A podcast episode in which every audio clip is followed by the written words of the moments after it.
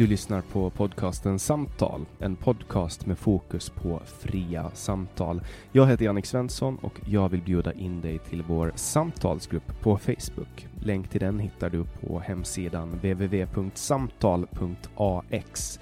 Jag blir också superglad om du vill vara med och hjälpa att stödja det här projektet. Det kan du göra på www.patreon.com samtal eller genom att swisha mig på nummer 070-3522 472. Länkar och nummer hittar du på hemsidan www.samtal.ax. Jag släpper nya samtal varje onsdag året runt och tar tacksamt emot tips ifall det finns någon du vill höra i podden. Idén bakom podden är att fokusera på fria samtal. Vi tror att öppenhet är grunden för det demokratiska samtalet och vill uppmuntra dig som lyssnar att exponera dig för samtal med någon du inte håller med om. Jag heter Jannik Svensson och du lyssnar på podcasten Samtal. Johan Westerholm är tidigare underrättelseofficer som numera jobbar som opinionsbildare och författare. Han driver online-tidningen Ledarsidorna och är nu aktuell med boken Islamismen i Sverige. Välkommen hit, Johan. Tack. Ehm, jag tänker att vi kan väl börja med underrättelseofficer. Jag tycker det är väldigt spännande. Eh, speciellt i tider som dessa. Har du jobbat inom, alltså, inom Säkerhetspolisen eller, nej, men vad säger man, eller underrättelsetjänsten? Alltså underrättelsetjänst. Jag var chef eh, under några år för en eh, underrättelse och säkerhetscentral. Då, den som ligger på, den finns faktiskt kvar på Ostkustens marinkommando då, och eh, jobbade då med, med framförallt inhämtning. Eh, jag tror jag hade bevakat alltså upp med alltså underrättelseområdet som jag jobbade med. Det var ju då så eh, på den svenska, svenska sidan från Härnösand i norr då till, till äh, Västervik i söder. Men då hela vägen ner över då och in i Finska viken och Kaliningrad och äh, annat. Så att jag jobbade med inhämtningen och be, den primära bearbetningen av underrättelser. Men även då också det som kallas för säkerhetsunderrättelser och säkerhetsunderrättelser det är alltså information om säkerhetshotande verksamhet som, som äh, bedrivs på eh, svenskt territorium. Så att okay. jag stod, kan man säga så här, gränslandet mellan ja, ren underrättelsetjänst naturligtvis som min huvudinriktning. Och, eh, men också jobbade väldigt mycket med Säkerhetspolisen under de här åren då för att det är Säkerhetspolisen som tar över ärendet när det sen så passerar territorialvattengränsen eller svensk gräns. Och då jobbade du då antar jag, du kom på något sätt i kontakt med extremism Ja, alltså det, det, det är ofrånkomligt så, va? men det var inte mitt primära utan jag jobbade ju framförallt med, med, med eh, så att säga, eh, hot, eh, som, som kan man säga, olika hotbilder som hade sitt ursprung utanför Sveriges gränser helt enkelt. Alltså typ Ryssland och ja, Sovjet? Ja, Sovjetunionen då, eller OSS som det hette under den tiden. Men allting kollapsade ju då under de åren som jag jobbade med det. Så det var ganska dramatiskt att se liksom hur, hur, hur en supermakt eh, imploderar egentligen. Alltså det, var, det var enormt spännande och vi la ner ganska mycket tid på att hålla rätt på vad var alla kärnvapen bland annat för sig, alltså vart de tog vägen. Man kunde också se hur i detta fall eh, Boris Jeltsin men även då Vladimir Putin då eh, jobbade för att behålla spetskompetensen inom olika elitförband. Då. Eh, och det men he, hela Östersjöflottan, hur den bara, liksom, den bara rostade sönder. Den gick bara ner, upp i pulver egentligen. Förutom några av de större och mer moderna eh, alltså enheterna. Östersjön har ju en, en, en historik eh, för, för, för ryssarnas sida. Att det, det, alltså, I och med att man, Ryssland ser ju då på Östersjön som ett innanhav egentligen. Så väldigt mycket av, av då, provturer och annat när de producerar nya fartygstyper genomförs faktiskt i eh, Östersjön. Mm. Det är lätt för dem att övervaka och eh, ja. Så det, det var ju väldigt mycket sånt jobb också. Det är ju alltså jag, jag, kan bara tänka mig vilken slags information du har liksom fått eh, konsumera utan att få prata om. Um, jag tänker att det genom åren måste ha blivit en del uh, information som för en journalist skulle vara extremt intressant att titta på. Naturligtvis är det så, va? men det, det är också sån här information som den tar du med dig i graven. Uh, när, det som händer när du skriver ut det från eh, underrättelsetjänst är faktiskt att du skriver på uh, en form av avtal då, där du förbinder dig med att alltså, ta med dig alltså, i graven. Och det är inte ens att min hustru vet, vet om liksom vad, vad jag gjorde och vad jag såg och vad jag inte såg under de här åren. Då. Men det var ju spännande år, eh, onekligen jävligt spännande år. Så tekniskt sett så kan du ha varit med och komplotta om att spränga Estonia utan att du får säga någonting? Jag säger så här, jag kan säga alltså, det, det som min uppfattning om Estonia, det är det att för vi satt ju med, jag gick ju vakthavande då de dygnen där när hon förliste eh, då. Det var otroligt dramatiska dygn när vi dirigerade helikoptrar då från marinkommandot i eh, nord, alltså Härnösand och dirigerade ner dem över, eh, eh alltså direkt till, till Finska Utö. Eh, och det var den där natten som vi sket i, bokstavligt talat i allt vad var demilitariserade zoner och allting hände. Det var till och med så att statsministern vid den tiden i ministär i och för sig, men, men Carl Bildt han tog beslutet om att liksom, kränk vilket territorium ni vill, det där klarar jag ut med den finske presidenten och premiärministern imorgon om det skulle behövas, utan det är bara att flyga. Eh, och jag kan bara konstatera att alltså, tittar man då på de här skadorna nu som, som eh, publicerat och då kan jag konstatera att de där skadorna jag är ju själv liksom levererade in våra data till haverikommissionen då i efterarbetet. Och, eh, det är väl ingen som egentligen eh, riktigt vet hur den här alltså, eh, bottenbeskaffenheten är under. Nu är det massa uppgifter som eh, florerar i media. Jag kan bara konstatera att den där skadan den har uppkommit efter, måste ha uppkommit efter att Estonia slog i botten. Finns andra skador som, som eh, man då har konstaterat som ser nästan likadana ut eh, över att fartyget då pressar på mot eh, klippformationer som ligger under ytan. Och tittar man just på den där skadan som nu har varit ute, då kan vi konstatera att den skadan befinner sig över vattenlinjen.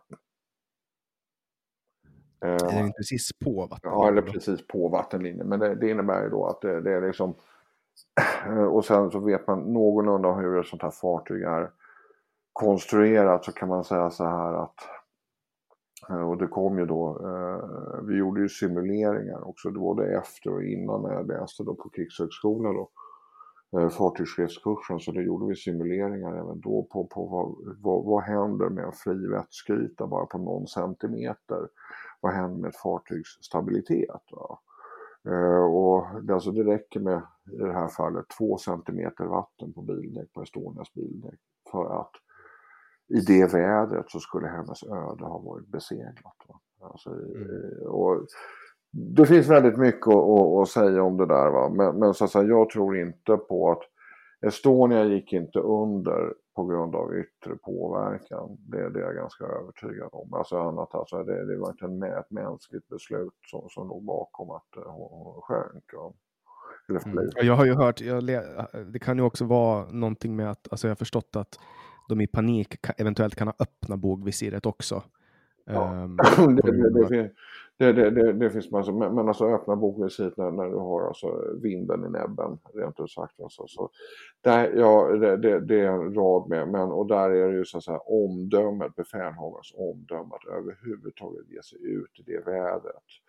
Eh, om man då ska vara, eh, alltså ställa någon fråga, vad var, vad, vad var det som låg bakom det beslutet? Det. Ja, eller varför man körde så förbannat snabbt. Alltså, det ja. var ju flera Vikenfärjor ute den natten och jag, bara i fredags så pratade jag med en, en eh, person som var ombord på var det Isabella ja, eh, den natten och hon sov hela natten. Liksom. Jo, nej, nej men alltså det, det, det alltså, no, någonting fick honom att eh, och det, det är väl de, de eh, det, det, är snarare de frågorna som är aktuella eh, och man kan konstatera, ja men det var en svensk ubåt och jag kan bara säga så här att Eh, som körde in eller ja, vad det var. Och det kan säga att ja, alltså, du kör inte in en svensk ubåt som då borde ha befunnit sig i ytläge i det vädret och det gör man inte med en ubåt. Alltså en ubåt eh, i ytläge som rammar då i det här fallet en bilfärja.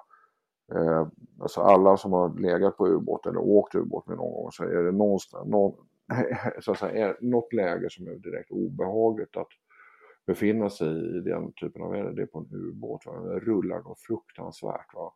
Och då skulle det också uppstått så stora skador på denna ubåt så att det hade inte gått att mörka på något sätt. Va? Så att jag menar, det, mm.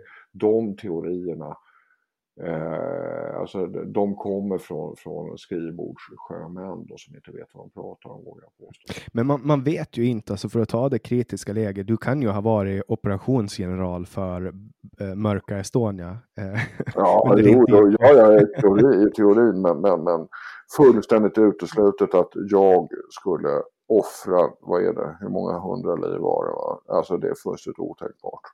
Mm. Eh, alltså det, det, det, det gör du i mm. min värld. Det, det, så att du offrar inte civila liv på det sättet. Utan mm. det, det, det är andra samhällsskickande svenskar som ligger bakom det i sådana fall. Men nu kan jag våga påstå att inte ens i det fallen mm. så är det relevant. Hur, hur kom du in då från, från att jobba som underrättelseofficer då inom försvaret och, och med Säpo? Hur, hur hamnade du som opinionsbildare? För det är ju det du gör nu. Ja, alltså det, jag var med och, och i en väldigt, väldigt smärtsam process där eh, mitten på 90-talet när vi då skulle banta eh, marinkommandot från 3200 anställda till 2800 tror jag. Någonstans, alltså det var en fruktansvärt stor bantning och då satt jag och eh, började rannsaka, okej okay, vad finns det för karriärmöjligheter? Jag var kapten då Eh, Eh, och, och eh, börja fundera på hur ser min framtid ut här. För fartygschef kommer jag inte bli. Det såg man på antalet ytstridsenheter som, som blev färre och färre och färre. Eh, det finns, kommer finnas någon flotta kvar eftersom jag är flottist då. Och, och började väl känna också, men då sa jag, men du har ju liksom tagit in i underrättelsetjänst, för dig finns det alltid jobb. Men det var ju även där då att det, det, var lite grann Chamberlain, liksom peace in our time, nu ska vi rusta ner rubbet. Va? Och eh, då kände jag att nej, det, varför ska jag bita mig fast i någonting där jag kommer att vara tvungen att slåss för min budgetpost varje år. Va? Att ha någon, någon form av resurser att jobba med. Så att, då slutade jag, gick till Telia, Telia Data och det var precis i den transformeringsprocess då som när man gick då från Televerket och blev Telia Eh, också en jättespännande rolig resa hur man då tar en statlig myndighet som var då uppbyggd kring, och, och, jag kommer inte ihåg hur många regioner det var, men, men det var många i alla fall. Och skulle få dem till ett affärsdrivande bolag som var, skulle vara rikstäckande. Eh, och bara att få, få IT-stödsystemen att fungera Eh, ordentligt i den här organisationen. Det var ju 200, över 200 stödsystem som alla regioner hade olika säljstödsystem och kundstödsystem och allt möjligt. Att bara få då skulle du kasta ut över 200 system och ersätta med 43 stycken som vi skulle göra. Det här skulle vi göra över jul nyårshelgerna kommer jag ihåg. Eh, det var ett jättespännande projekt eh, och där jag då ansvarade då för eh, själva utbildningen i desktop. Alltså för att jag menar, eh, investerar i ett nytt datasystem. Alltså idag, då 25 år senare, eller eh, 22-23 år senare, så man kan, tycker det ganska självinstruktivt. Alltså desktop, eh, de flesta webbaserat självinstruerande. Men så var det inte för 22-23 år sedan. Utan för att få en return of investment på det där och inte tappa tid i kundledet. Det vill säga sådana som du och jag som går in i en Telia-butik eller beställer någonting på nätet. Så är vi på kort tid eh, tvungna att utbilda då, i det här fallet 30 000 anställda i en helt ny desktop. Mm. Eh, och det skedde då med framförallt onlineutbildningar och sånt där. Det var väldigt tidigt med interaktiva onlineutbildningar. Och det var med, jag var projektledare för just utbildnings delen och det var ju faktiskt för de som är gamla nog och komma ihåg det här med det fanns någonting som hette PC-körkort. Telia, oh, det är sant, och Telias PC-körkort, det var Sveriges första PC-körkort. Och det skulle alltså, eh, alltså för kostnaderna om inte du kan en programvara, eh, vet en liten utveckling, Gartner Group gjorde en, utveckling, alltså en hel del uträkningar på det, vad är kostnaden för om inte du behandlar Excel? Eh, ordentligt. Om du vill till exempel summera en tabell i Word. Vi kan ta det exemplet. Word har ju, du kan göra tabeller och sen så kan du summera också. Eh, summeringsfunktion där som är väldigt begåvad och sparar, sparar en jävla massa arbete om du kan den. Ja. Men på det du, du kan den inte. Ja, vad gör du då? Ja, då går du till din kollega. Och så frågar du din kollega, ja, men kan du det här? Och han sitter där och pillar, och då har du suttit och pillat med det här i 5-10 minuter innan. Va? Ja, han kan det inte heller visa sig efteråt så att ni två sitter och tittar på en annan pillat med i fem, säg fem minuter. Ja, då är vi uppe i, i, i totalt 20 minuter där nere och då går ni två tillsammans och stör en tredje kollega. Eh, eh, och som visar er som ni vet kan det här. Va? Och han visar er på 10 minuter och sen så går ni alla tre gemensamt och dricker kaffe. Helt plötsligt så har det gått en timme i värdefull produktionstid. Mm. Ehm, så alltså det är rent alltså ekonomiska incitament som, som gör att man, man måste eh, jobba med de här bitarna va? På, på det här sättet. Va? Eh, och det är fortfarande så. Alltså the, the, the cost of lacking knowledge. Och det, och det, här, är, det här handlar om miljardbelopp varje år för svenska samhället. Och för Telias vidkommande så ja, man hamnade ju där någonstans. Det var någon miljard som bara liksom försvann för att folk inte behärskade sina programvaror. Jag tänk då hur det är på myndigheter i Sverige. Fy ja, fan. precis. Fan. Så, att, så att, då blev ju då lösningen väldigt mycket så här, eh, interaktiv utbildning som, som fanns då för desktop-programmen. Då, som, där man kunde få hjälp direkt. Eh, och sen så har ju i och för sig alla de här ordbehandlarna och alltihopa, nu, nu har ju hjälpfunktionen utvecklats väldigt mycket både, i webb, webbapplikationerna och då, då eh, rena desktop-applikationer. Så nu är det, men på den tiden, för 20 år sedan, så var det alltså Hjälpfunktionen var, alltså, var väldigt, hade en väldigt låg utveckling och så, det här blev en växelverkan alltså. sen. Eh, men i alla fall så sen flyttade jag ner till Madrid eh, för att driva då den spanska dotterbolaget i den koncern jag jobbade i då, eh, försöka få någon form av ordning på det bolaget. Eh, och eh, man kan säga så här att då fick jag eh, två veckor på mig att förbereda mig för det jobbet. Eh, och det, var, det var också en sån här viss dramatik. Den gamla vdn visste inte om att han skulle få sparken och, och jag förberedde mig då så gott jag kunde två veckor. Och då stod jag inför valet då, hur gör jag nu? Ska jag lära mig 500 spanska verb eller ska jag lära mig så mycket jag kan om den iberiska halvöns idé och kulturhistoria? Och valde det senare, för då var också det, Spanien stod alltså, på, alltså precis alltså på väg att kliva in i ett europeiskt samarbete.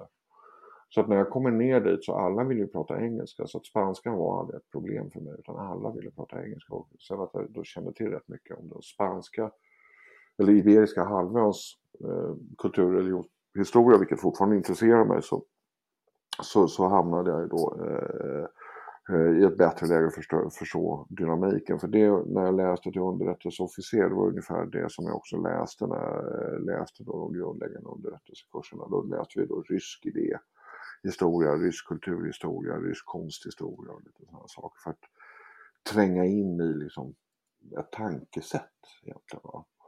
Och det var ju där jag sen i Spanien då, så jag veckopendlade då, så varannan vecka så hade jag eh, en helg mer eller mindre eh, fri från allt, både familj, eh, gift på den tiden med min första hustru och, och, eh, och vårt gemensamma barn. Så varannan helg hade jag liksom, vad, vad ska jag göra den här helgen? Så då hyrde jag en bil och började bila runt på Iberiska halvön. Det var då jag kom i kontakt med den moriska kulturen. Då.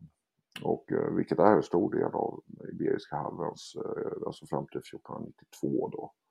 Eh, när, när eh, eh, vandalerna då till slut driver ut morerna från Alhambra.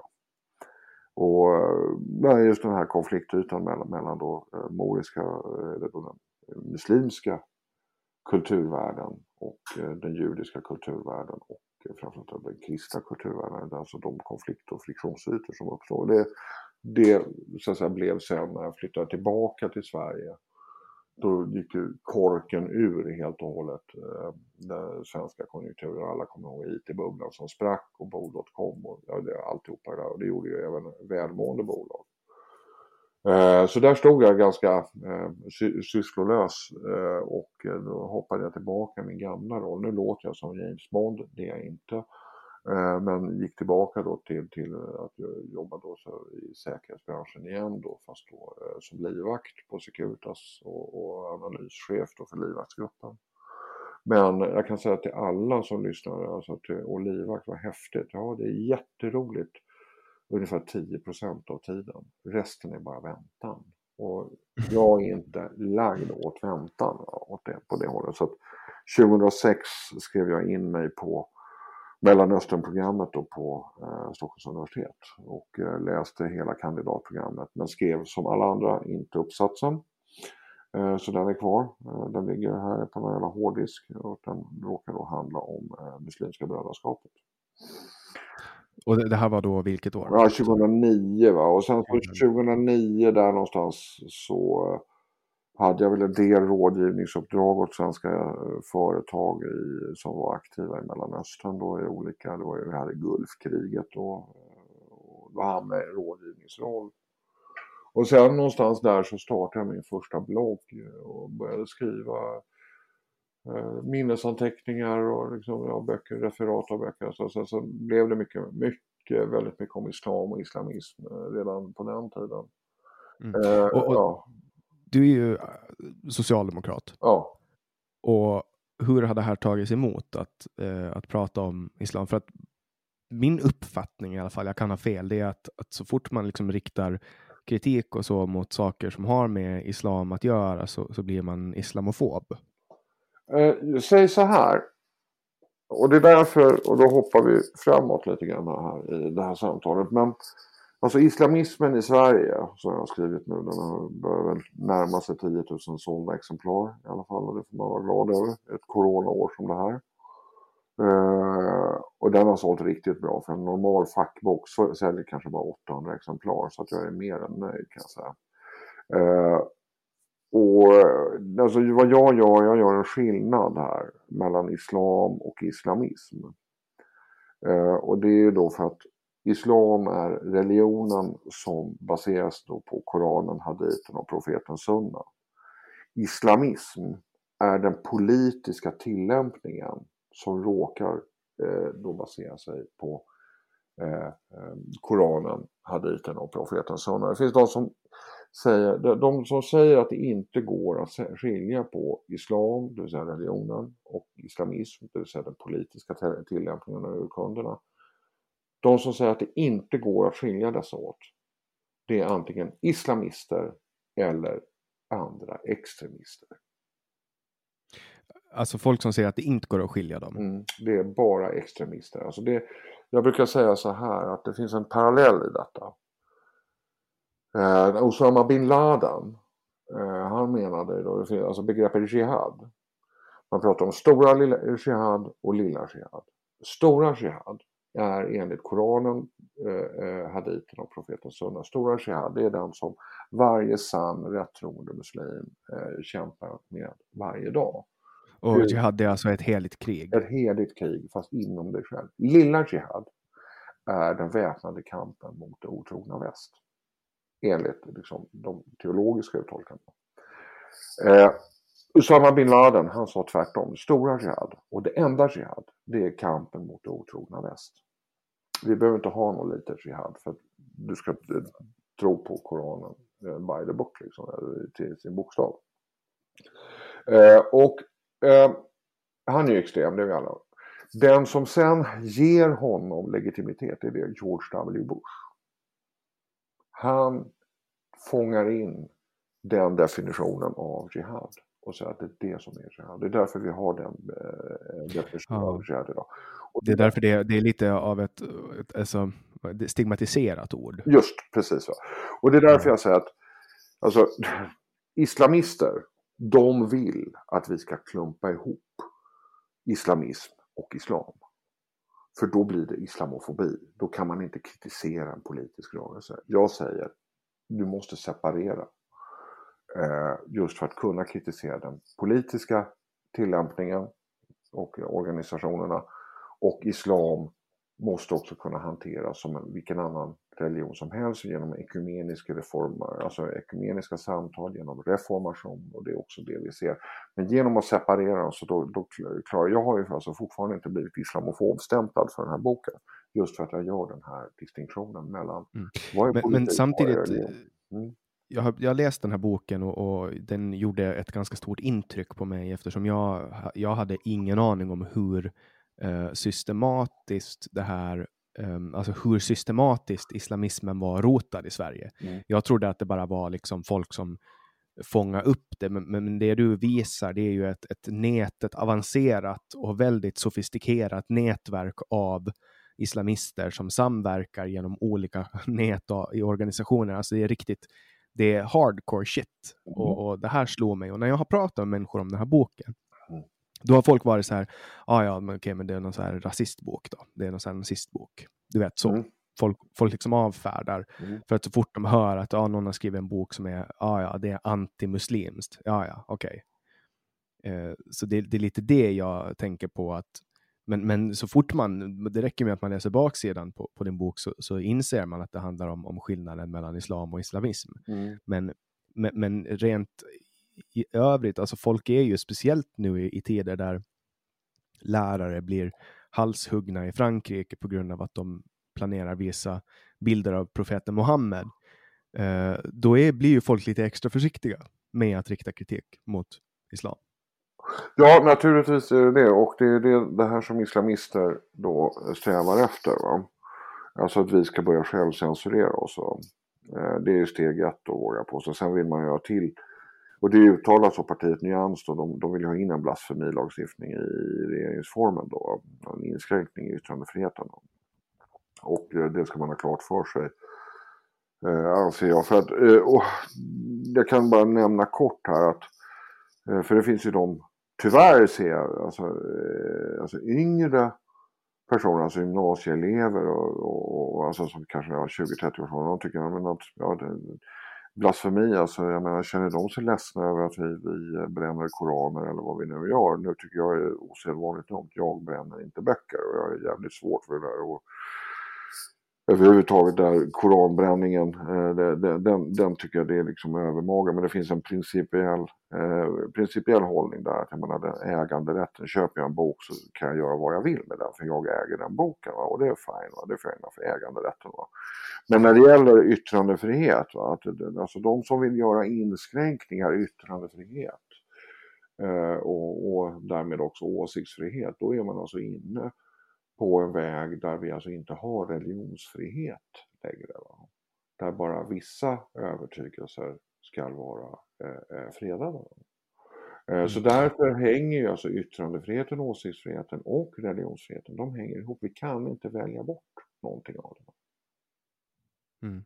Men, men jag menar, inom socialdemokratin så har man ju ända sedan tiden när Olof Palme var aktiv ganska starkt tagit sida eh, parti med araberna, till exempel då i Israel-Palestina-konflikten. Eh, och, och, om jag, när man kollar på Socialdemokratiska partiet idag i Sverige så är det ju ganska, det är ganska vedertaget att man ska vara pro-Palestina eh, i Socialdemokraterna. Eh, jag vet inte om du håller med, du får säga om du inte håller med, men eh, som jag uppfattar det så är du pro-Israel. Ja, alltså det sägs ja, jo, och det, det, ett, jag är pro-Israel och det där är också en resa som jag har gjort som den som, de som inte har läst boken Bengt G Nilsson, Israel och hennes eh, fiender, eh, gavs ut här tidigare i år. En alldeles utmärkt beskrivning. Alltså Bengt G Nilsson är, vågar jag påstå, eh, Sveriges idag ledande Afrika-expert. Eh, han har jobbat som, som journalist eh, i decennier och bland annat skrivit om svenskt bistånd. Han har gjort en vit bok om Lundin Oil i Afrika. Det finns ingen som känner eh, Nord och Centralafrika eh, så som han.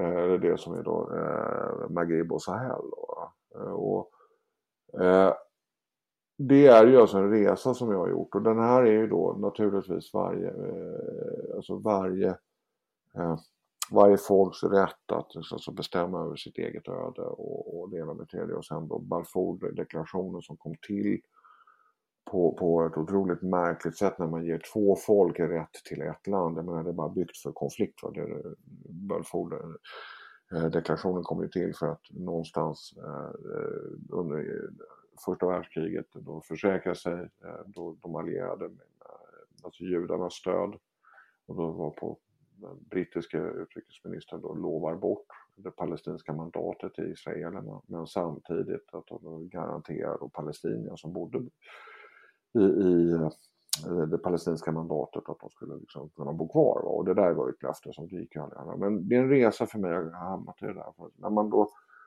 eh, alltså, eh, tittar på, man, man, man kan tvista om rätten till land och delar med det. Men Israel är ju faktiskt idag eh, Mellanösterns enda demokrati. Och, och, och, eh, har bidragit positivt. Det ser vi idag, vi ser det i realtid nästan nu. Hur stora delar av GCC-området nu eh, sluter fred med Israel och det är ju alltså för det, det industriella samarbetet, som de ekonomiska samarbete som har funnits i säkert 20 år men inte har skrivits om, det formaliseras nu. Då.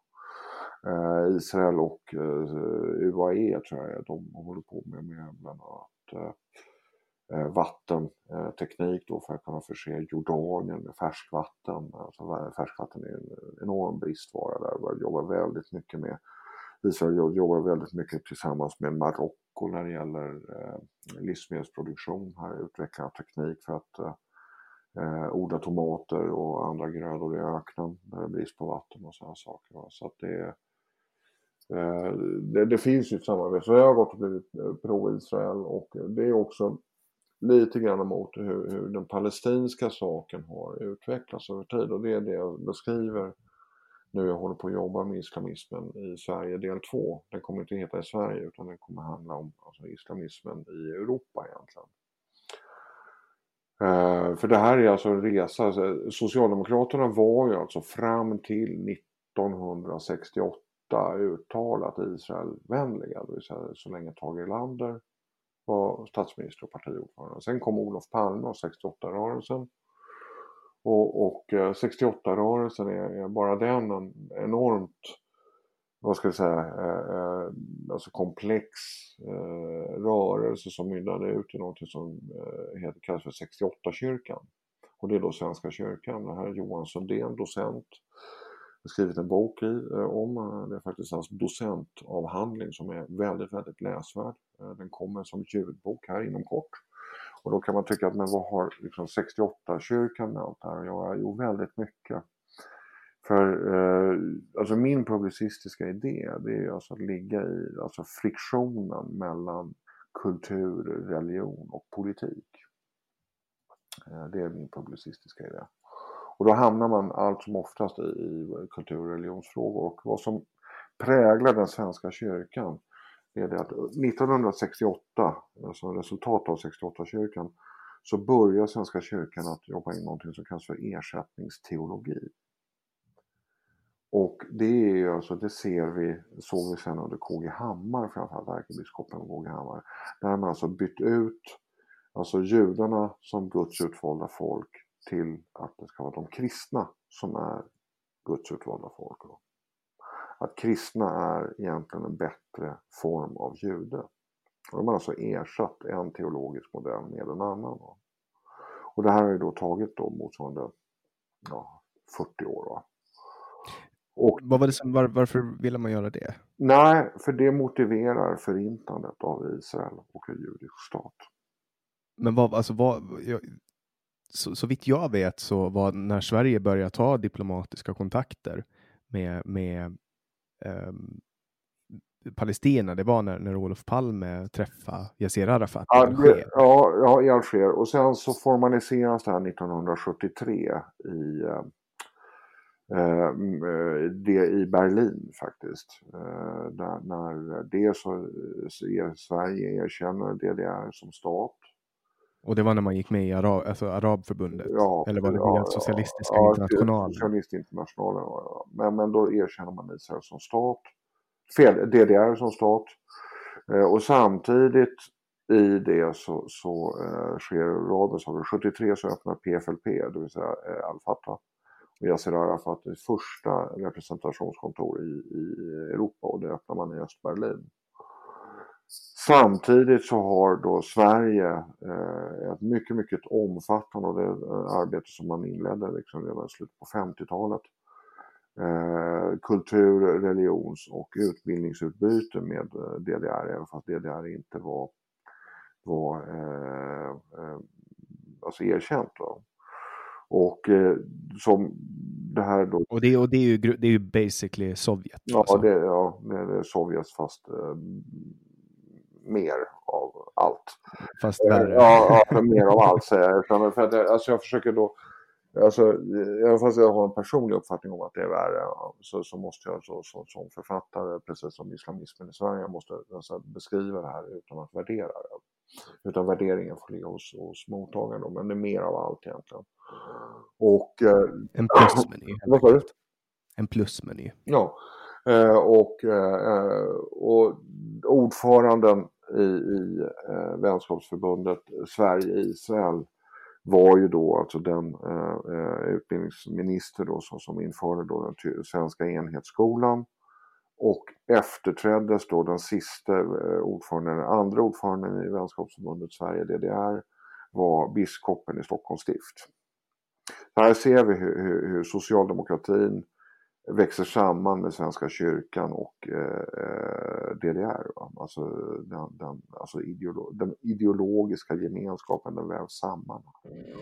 Och det här leder oss alltså, det till, till en, alltså, eh, alltså, en, eh, kan man säga, en antisemitering av den svenska kyrkan då, där man inte erkänner judisk, rätten till en judisk stat och det är det vi ser idag i den här BDS-rörelsen boycott, disinvestment sanctions mot staten Israel. Eh, där Sverige är oerhört drivande här. Anna-Karin Hammar, det vill säga KG Hammars syster, är extremt tongivande. En annan tongivande det är då den nyblivna eh, eh, kommunisten i Malmö storpastorat, eh, Gunilla Hallonsten, också väldigt, väldigt aktiv i den här BDS-rörelsen. Eh, och denna, den står, BDS-rörelsen står då eh, framförallt de arabiska palestinierna, eller de kristna palestinierna men även Muslimska brödraskapet oerhört nära för man vill samma sak. Och det här, man vill plocka bort med judarna? Ja, man vill plocka bort och eh, det här går tillbaka till tidningen Broderskap, det vill säga Socialdemokraternas eh, eh, kristna sidoorganisation, det som idag heter eh, Trosolidaritet, men i en ledare från 1971, eh, oktobernumret, så skriver då eh, eh, Karl-Henrik Grenholm, han är idag professor emeritus i teologi vid Uppsala universitet, den skriver att palestinierna önskar förinta Israel som stat och det är en god sak och den bör vi bejaka. Är, I min värld är det helt um, bisarrt att, att man kan liksom gå dra de här jämna linjerna. Alltså dels att att Stefan Löfven kan liksom, uh, han, vill, han startar ju något förintelsemuseum, han var med och startade, det var på något sätt, jag kommer inte ihåg exakt hur det var, men alltså varje år när det är förintelsens minnesdag, då är det ju liksom stora, man ska prata och det är, antisemitism är inte okej, okay, men samtidigt så har man liksom SSU som skanderar uh, lever Palestina, krossa sionismen och man ska liksom krossa judarna och, och mm för mig, för mig jag, jag tycker det är, jag, jag har svårt att få ihop ekvationen att, att Socialdemokraterna tillåter dig att vara med med tanke på vilka skillnader ni har när det kommer till det som jag åtminstone ser som en fundamental fråga för eh, socialdemokratin. Ska man vara solidarisk med, med Israel eller solidarisk med Palestina? Ja, alltså det, det, det är ju en... Eh, det där är ju... Eh Uh, alltså du, du, du, kan inte förhålla dig neutral så som den konflikten uh, ser ut idag. Va? Och uh, här ser man ju då hur, hur Hamas och andra de försöker whitewash de själva. Liksom, nej, men nu, I två år framåt så lovar vi att vi inte vill förinta Israel och sådana saker. Så att, men, men allt det här hänger samman och det Alltså det, det, och det är, men det är, alltså det, det är ju en, en Eh, Eh, alltså det är en utveckling som tar fart från 68 och, och sen så finns det vissa datum eh, som man kan säga i Sverige, den svenska utvecklingen som leder oss fram till dagens situation där vi har eh, socialdemokrati som, som har väldigt, väldigt långt gångna band med det här eh, alltså Muslimska brödraskapets nätverksorganisationer och Muslimska brödraskapet.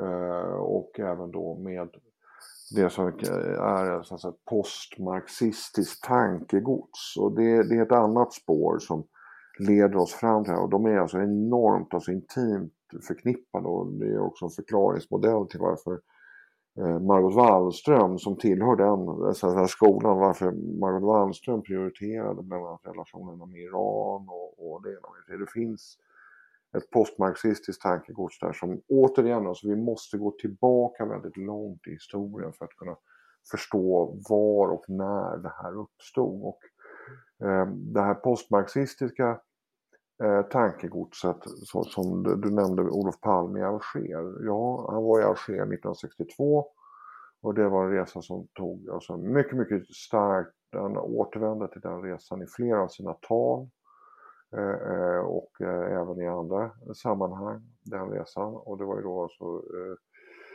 han gjorde den som ganska ung student men blev väldigt, väldigt påverkad. Men bara två år innan, alltså 1960, det var innan till och med jag var född, men då inleder en algerisk filosof som heter Frans Fanon. Han inleder en, en och han är då nordafrikan, eh, mer eh, än, än nordafrikaner i övrigt, utan det var alltså ättlingar som kommer då från Sahel, då, det vill säga Subsahara. Eh, och han eh, inleder en eh, brevväxling som är enormt spännande att, att läsa med, med en iransk eh, tänkare som heter Ali Shariati. Eh, och Ali Shariati är shia-muslim. Eh, Frans Fanon, eh, sunnimuslim.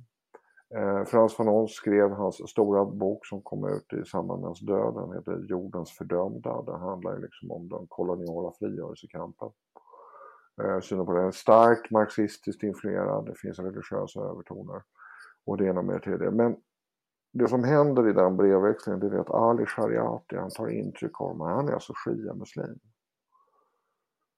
Och han är, nu för er som inte känner till vem han är, men han är alltså det han, man brukar skriva, eh, säga att han är den iranska revolutionens eh, arkitekt. Alltså den, den bra revolutionen? Den som, dåliga nej, den som kom sen 1979. Som, alla, som gjorde att det blev sämre? Som alla tillskriver ayatollah Khomeini. Men det är alltså Ali Shariati som är alltså ideologen bakom den revolutionen.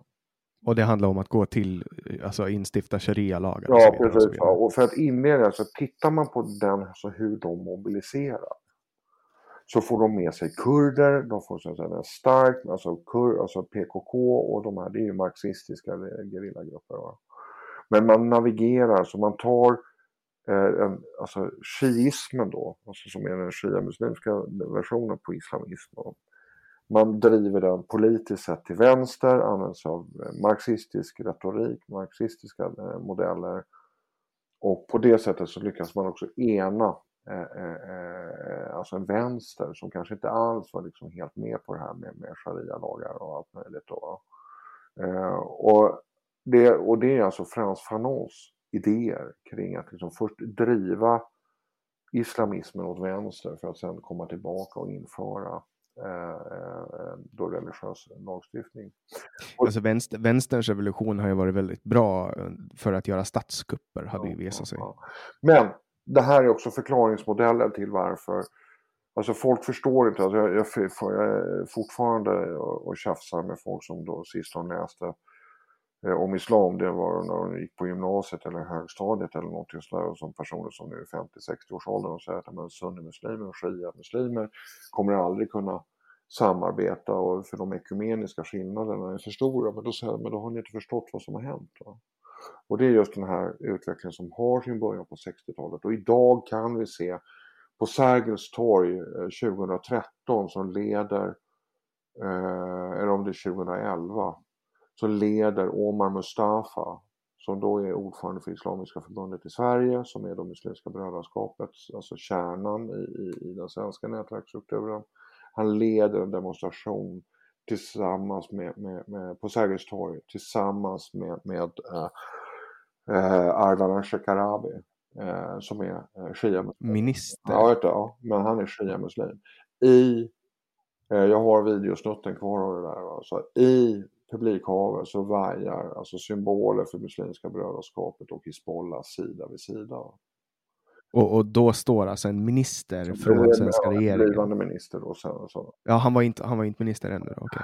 Men, men alltså, och vi ser också i Muslimska brödraskapet, Sunnimuslims eh, alltså islamistisk organisation, eh, samarbetar öppet med bland annat Hizbollah i, i Beirut. De har haft en rad med, 2018 hade de en rad med samarbetsmöten där och de, de- är ganska öppna med det här. Varför samarbetar ni? Nej, men vi vill ha ungefär samma mål. Och, eh, eh där, där Muslimska brödraskapet What's in it gjorde Hizbollahs alltså, eh, finansiella resurser. De driver ju alltså eh, olje oljekällor och utvinner, eh, har utvunnit olja i Sudan bland annat. Jag menar det, det är en oerhört finansiellt stark organisation. De har ju också alltså, Iran bakom sig. Iranierna de har inga problem att låta egen befolkning svälta för att revolutionsgardet och Hizbollah ska få det de pekar på. Eh, och muslimska, alltså vad har Hizbollah att vinna på det hela? Jo, det är alltså Muslimska brödraskapets unikt goda organisatoriska förmåga, alltså organisatoriska mognad. Det, det är det, så, så det finns ett win-win här. Eh, och, och det vill säga att alltså, islamismen som vi ser växa fram idag, och det är det som del två kommer handla om en hel del. Eh, det är alltså det är en kraft som är, den är så stark så att den övervinner alla eh, så att säga, idag kända ekumeniska motsättningar. Och det har inte, vågar jag påstå, speciellt många förstått. Magnus Norell, eh, eh doktor, alltså, eh, disputerad forskare, han har skrivit en del om det här. Eh, Magnus Ranstorp, eh, docent vid Försvarshögskolan, också duktig på det här. Docent Ari Karlbom, också duktig. Men det är inte så där himla många som har och jag är nog, jag är nog vågar påstå, den enda journalisten som har börjat titta på det här. Jag har tittat på det här löpande. Och jag har ju rest en hel del i de här länderna. Så jag, jag har ju träffat brödraskapet. Jag har ju till och med... Så Sen är det väl jag, faktiskt, jag, jag faktiskt fick julkort från Hizbollah här för några år sedan. Det var väldigt kul. Jag hade in på väggen. Men du har, bo, du har bott i Marocko också? Va? ja, jag har bott i Marocko. Så att, vad, var det som, vad, vad var det i Mellanösterkulturen och, och religionen islam som fick dig att, vad lockade dig till det liksom? Ah, det var liksom eh, äventyret kan man säga. Nej, men det, nej, men det, det finns... Eh, alltså det finns, alltså i just, alltså om man då tittar på det som vi kallar för de abrahamitiska religionerna, det vill säga judendom, kristendom och islam. Eh, islam är den yngsta och man kanske inte ska, det, det, och det också, och ska man också ha klart för det är det alltså, man säger bara för att man då erkänner Abraham som, som anfader så är en abrahamitisk religion men man ska också ha klart för sig att islam inte erkänner eh, eh, den äldsta urkunden, vilket är då gamla testamentet, utan man har då satt sig och skrivit om alltihopa en gång till. Va? Och det är lite cherry picking sådär. Och så, Ja, det är lite ett hopkok av... ja, nej, men det är lite cherry picking och sen är det väldigt mycket av, av, som speglar då kulturen på, på eh, arabiska halvön när den nedtecknades då 1622 enligt vår tideräkning. Va? Men det, det finns också något spännande i, i, i, eh, i, Koranen eh, och i haditerna att det är ju den av de tre abrahamitiska religionerna som är den mest politiskt uttalade. Här pratar man alltså, och det finns ju också då, här pratar man alltså väldigt mycket om en samhällsmodell på ett helt annat sätt än vad man gör då i Gamla Testamentet och Nya Testamentet. Eh, eh, det finns Sayod Qutb som är, är, är då Muslimska brödraskapets största tänkare efter Hassan al-Banna. Eh, Sayed Qutb har skrivit det som alla som så att säga, granskar islamism, pratar vi om nu, eh, granskar eh, islamism i allmänhet och Muslimska brödraskapet i Syrien, de bör läsa då det som är hans stora verk som heter Social Justice in Islam. Eh, och det är alltså, det, det, alltså läser du den så, så hittar du också eh, eh, alltså där, där hittar du, redan där hittar du alltså de marxistiska influenserna om alltså det är ett fördelningspolitiskt eh, eh, eh dokument egentligen, eller då bok, där, där han reder ut alltså, hur ska ett sånt här samhälle fungera. Eh, vad ligger på individen, vad ligger på kollektivet och det ena med det. Och det, det, det, är alltså, det är en rent fascistisk ideologi. Den ska alltså underkasta sig. Individen blir bara fri om man underkastar sig kollektivets vilja. Ja, det, det, låter ju som definitionen av, av en fascistoidisk ideologi. Oh ja, oh ja. Och, och, det här är alltså det, är det som är fascinerande att se det här. Och sen så naturligtvis, sen är det en häxkittel av kolonialt arv. Du har, eh, eh, du, du, har eh, alltså det gamla ottomanska riket som, som, som påverkar. Alltså de har ju då de eh, första kalifaten. Alltså du har ju alltså en kulturell, ideologisk och religiös mix där som är fruktansvärt spännande va? och hoppa in i. Och så fort man tror att man begrep någonting så, så, så visar det sig att jag, du kanske började begripa tillräckligt mycket för att kunna ställa nästa fråga. Va? Så att det, liksom, det, det, Eh, och det har ju naturligtvis präglat mitt synsätt väldigt mycket just den här. Man blir ödmjukare med tiden man är där nere. Det finns inga sanningar. Men det, det kan jag säga att den islamism som vi ser nu växa fram i realtid det är någonting som vi inte, vare sig vi i Sverige eller Europa har förstått kraften i. För att här får vi alltså, här ser vi då så hur shiismen, den shia-muslimska islamismen och den sunnimuslimska islamismen i form av Muslimska brödraskapet, hur de är på väg att gifta sig och bli en enda kraft som står över de ekumeniska motsättningarna. Och det finns redan idag i Israel ett eh, talesätt. När det avlossas en Qassam-raket från Gaza då är det någon i Teheran som har bestämt sig för att du ska trycka på knappen. Mm. Är du orolig för, för det som händer i Sverige nu? För det här låter ju som någon form av mobilisering. Nej, alltså, säg så här. Eh, har du sett Spy Bridge av Tom Hanks, med Tom Hanks? Nej, jag läser böcker. Jag kollar nästan Nej, men alltså det, det är faktiskt det, den här med han Powers, där nedskjutna U2-piloten då. Det är faktiskt en riktigt, riktigt bra film eh, som jag blev eh, lurad av min fru att se. Men den var riktigt bra. Men det handlar om fångutväxlingen sen då som skedde när, jänkarna fick tillbaka Powers. Och den som då utvecklades mot Powers, det var en rysk överste. Eh, och en, eh, den här ryska översten han blev då, eh, eh, gripen som spion i, i New York och riskerade dödsstraff men blev då dömd till livstidsfängelse. Och han skulle då, men i avvaktan på domen då, då frågar då Tom Hanks, den här ryska översten, är du inte orolig för att bli dömd till döden? Va? Och ryska översten bara tittar på, på Tom Hanks då som spelar advokaten. Liksom, oro är en destruktiv känsla som bara tar en massa värdefull tid för mig. Eh, att kunna eh, ägna åt annat. Va? Och jag kan säga så här, jag är inte jag är, jag är, bekymrad men jag låter inte det ta någon tid. Det bästa jag kan göra det är liksom försöka förstå vad som händer, återge det så att folk kan agera istället för att gå omkring och känna mig orolig. Alltså oro är en, en, en, en känsla som en upplevelse som, som bara tar en jävla massa tid och kraft och grumlar min syn också. Mm. Om, om du sätter dig in i den eh, yrkesrollen som du hade förut då mm. som underrättelseofficer, skulle, skulle det ur det perspektivet vara alarmerande det som sker i realtid? Ja, det och det är det, ja, det är det jag beskriver. Jag beskriver utvecklingen, men jag försöker göra det så kliniskt som möjligt. Då. Mm. Jag det, det, det, det, det, är därför jag inte vill, vill, eh, alltså jag vill, eh, kan ibland använda mig torrt språk, ibland kliniskt språk och eh, inte alltid så alarmistiskt men, men det är bättre att låta fakta tala. Och det, så det är klart som attan så att jag vill, jag vill något annat med Sverige. Va? Jag vill inte ha sharia-lagstiftning. Jag vill, jag vill inte ha, framförallt vill jag inte ha en blasfemilagstiftning för det är där första slaget kommer stå.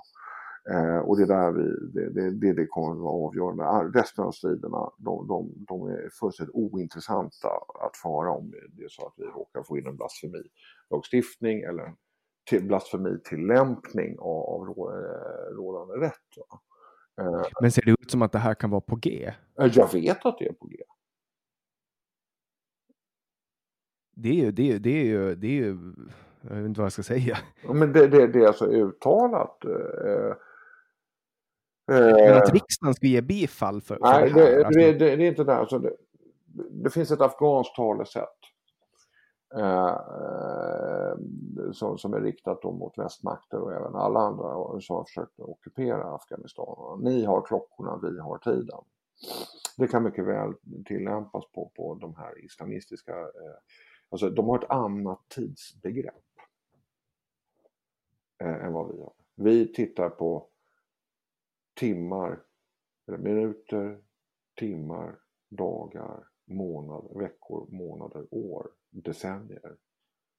Eh, för de existerar inte tid, de har bara ett mål och sen tar det den tid det tar, inshallah. Eh, så det, det, är ju, det är också att underskatta kraften i, i kanske när du inte har tid som faktor att ta hänsyn till då, då kan du vara rätt tålmodig. Eh, och det tar lite tid att försöka förklara och sätta sig in i det här. Men de förnekar ju att de håller på att ta över. För det är ju det, det, är ju det du säger mellan raderna, att de kommer att ta över samhälle och införa sin form av lagstiftning, en form av eh, demokratisk statskupp. Ja, ungefär som Hitler. Ja, no, nej, men alltså, det, ja, eller de säger ju faktiskt rakt ut i i, i, i eh, Yusuf al-Qaradawi, alltså nuvarande Muslimska brödraskapets andlige ledare, han säger faktiskt rakt ut att vi vill införa inledningsvis eh, särlagstiftning, sekundärt enklaver och i tredje hand, alltså i förlängningen, alltså muslimska statsskick. Det är det han säger. Det säger Salahuddin Barakat också, det, men alltså den dagen vi har världsherravälde, då finns det ingen anledning att börja ta hänsyn till blasfemi, alltså till det dödsstraff för apostater förresten, för ingen kommer vilja lämna en perfekt eh, fulländad eh, världsordning. Ja. Och det är väl så det är ur deras perspektiv? Ja, alltså att islam är... ja precis, och det är fulländning. Alltså att jag menar, och det är det jag säger, att jag menar, alltså det, det, alla som jag pratade med, med, med, med, med Umhamsas, det vill säga att det, det är alltså eh, Mikael Skromos svärmor, hennes äldsta son. Då. Och Mikael Skråmo var då en, en eh, svensk kille som radikaliserades och åkte ner till Syrien. Ja, och radikaliserade och träffade då sin, sin, sin hustru Amanda och, eh, och de åkte ju ner då till, till Islamiska staten och anslöt sig där. Och men de bodde ju i Sverige under en tid då innan då. Han åkte ju ner först 2014 men som jag pratade med, med den äldsta sonen som inte följde med, som bröt sig loss från sin, sin radikaliserade eh, mamma och eh, radikaliserade stora syster. Och han sa det att när mamma konverterade då till islam, Amanda då, eh, då upphörde tid att existera hemma. Vi firade inga högtider förutom de muslimska högtiderna, vi firade inga födelsedagar, ingenting, det fanns ingen tid. Och det är därför alltså, man måste förstå att det, det, det, det, är ett annat tidsbegrepp. De räknar inte år. Det, är liksom, så det, det, de är inte otåliga? Nej, de är inte otåliga. Mm. Alls, vågar jag påstå. Och det, det tar väl lite tid att få folk att förstå att det, det, det är en motståndare, en ideologisk motståndare. Tid är, tid är en oändlig resurs för dem. Men det är den inte för mm. Eh, såg när jag var nere i, i eh, eh det, det, det är eh, i Beirut och träffade Hizbollah bland annat. Bara den storyn den är eh, helt bisarr. Men det är så, så här. Eh, alltså det, och eh, han sa det, eller hon, eh, informationschefen på Hizbollah, jag har faktiskt fortfarande kvar hennes visitkort här någonstans, eh, säger det att men ni tror på Coca-Cola va? Och vi tror på paradiset och det är därför vi kommer vinna. Vad menar du med ni tror på Coca-Cola? Alltså för symbol för ja, kapitalismen? Ja, alltså det, det, är sånt som är förgängligt, evigt. Du kan dricka upp din Coca-Cola sen, sen är det slut. Liksom. Men vi tror på paradiset och paradiset är evigt. Nej, nej, och det var ännu mer så här, ni älskar, jo så här sa han, ni älskar Coca-Cola. Vi älskar döden. Det är därför vi kommer vinna. Ja, det är fan obehagligt alltså. Mm, alltså då, och det, det är liksom att, alltså ni älskar verkligen, alltså det som ger njutning förstånden. Vi älskar döden, för döden kommer ge oss evigt liv i paradiset om vi dör på rätt sätt.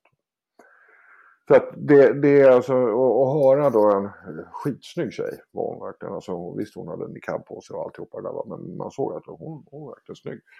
Uh, och, och ja, vi hade jättetrevligt och sitter där och dricker libanesisk kaffe då i bombhärjat Beirut. Alltså det är liksom, Eh, man ska veta att norra Beirut som då domineras av de kristna, det är ju renoverat, eller var renoverat fram tills när lagret eh, exploderade. Men, men, eh, men södra Beirut är ju fortfarande väldigt, väldigt krigshärjat. Men även i, i de norra delarna av Beirut så ser vi liksom ärren efter kriget. Liksom. Alltså det, det, går på gatorna och ser de här fantastiska gamla franska kolonialpalatsen där det bara står en vägg kvar mot gatan. Och så, allting är bombat.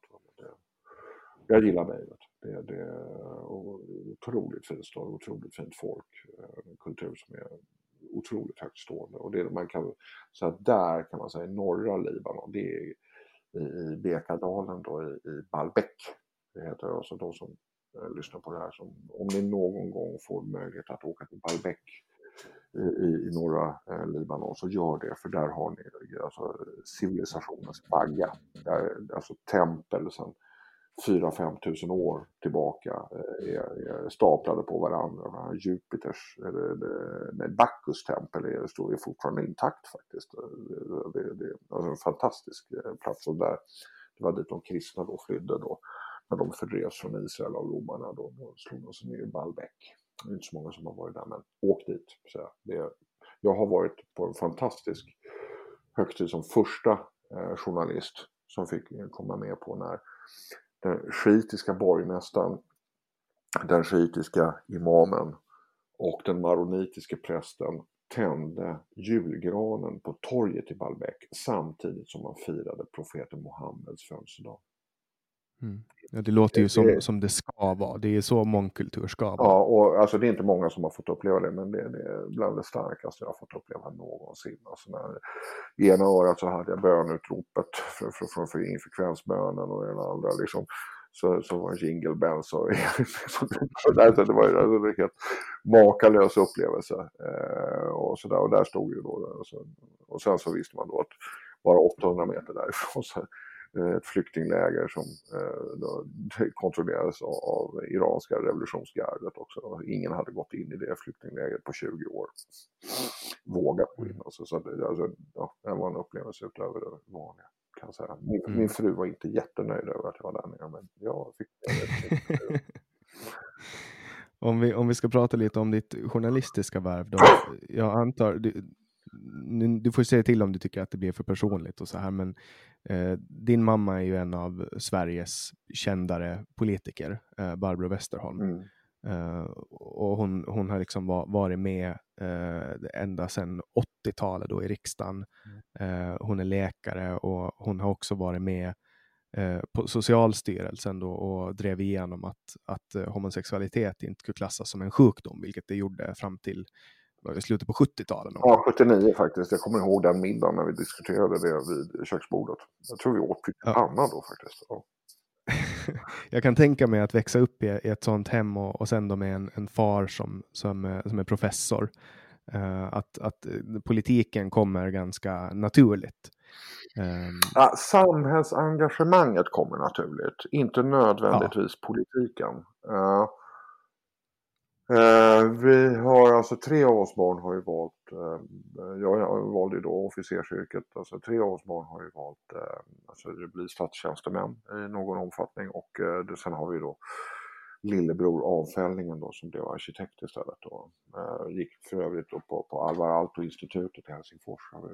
Han, han läste Ayn Rand? Och sen nej, nej, nej, nej, nej, nej, nej, han är fullständigt ointresserad. Men, men, men men i övriga har vi, vi har valt alltså samhällsintresserade yrken, om jag uttrycker mig på det sättet. Eh, det är eh, eh, samhällsengagemang där det finns alltså en mening. Eh, så, så att vi, vi kommer ju så att säga, från en socialliberal eh, idétradition kan man säga. Va? Eller, eller socialkonservativ kan man också säga om man tittar på farfar. Och, och men vi, vi, det, det, vi, vi, det, det, är väl därifrån vi kommer ungefär. Och det, vi skiljer oss inte speciellt mycket sen när vi då tittar på eh, senare i livet. Hur, hur vi då, alltså jag kanske är lite mer konservativ och kravorienterad än mina syskon. Och, ja, men de är lite annorlunda än vad jag är. Så det, men jag försöker vara väldigt öppen med, med var jag står. Eh, alltså, står politiskt. För då blir det lättare för mina läsare att värdera när mina åsikter slår igenom. Eller mina värderingar slår igenom. Så att, och som jag uppfattar det då. Och, och det är, bara för att lägga till, varför tycker jag det är viktigt? Va? Därför jag säger, det finns inga opolitiska varelser som jobbar med, med, med politisk bevakning. Eh, och, och, sådär? Och då tycker jag det är ärligare för, för mig som journalist. Ja, jag har de här åsikterna. Jag är socialdemokrat i grunden. Eh, starka liberala eh, influenser där med yttrandefrihet. Det kan vi utveckla vid något annat tillfälle varför det är viktigt för mig. Men också, vi har ju varit inne på det lite grann, va? Men, men också att jag är konservativ i, i eh, en del socialdemokratiska frågor som jag tycker är jävligt olyckligt att man håller på i Sverige på luckrar upp den här svenska eh, modellen med, med arbetsmarknadspartner. Det tycker jag är djupt olyckligt och det kommer kosta Sverige jättemycket.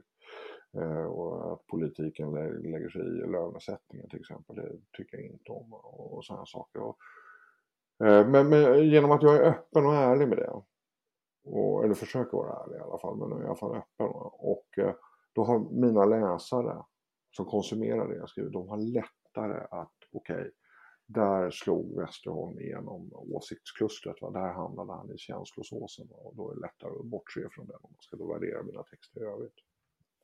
Mm. Men sen, sen har du en sak som du inte har supergemensamt med Socialdemokraterna och det är att du är ganska öppet kritisk mot migrationspolitiken. Mm. Men där är också, kan man säga, där ansluter jag till det med till, vi var inne på det tidigare, Palme. Palme, alltså, han var ju också, han vill ju inte ha någon oreglerad migration. För att det är alltså en oreglerad migration, eh, det, finns, det finns ingenting som hotar välfärdsstaten mer än det. Eh, att de har oreglerad migration. Eller då när har liksom, att, alltså hela den svenska modellen bygger alltså, gör din plikt, kräv din rätt i den. Alltså, men så har vi folk som kommer in hit mitt i livet och börjar liksom det finns massor med, med bra beräkningar som LO har gjort varför liksom, alltså, man ska ha en reglerad invandring och, och det ena med det. För att, alltså, ska, alltså, du, alltså har du en livslängd på 80 år då förutsätts du faktiskt leverera ett överskott under 40 av de åren när det gäller då skatteintäkter och sådana saker. Och det klarar du liksom inte av om du får in en som Eh, jag kanske bara har 10, 20 eller 30 år i arbetsmarknaden.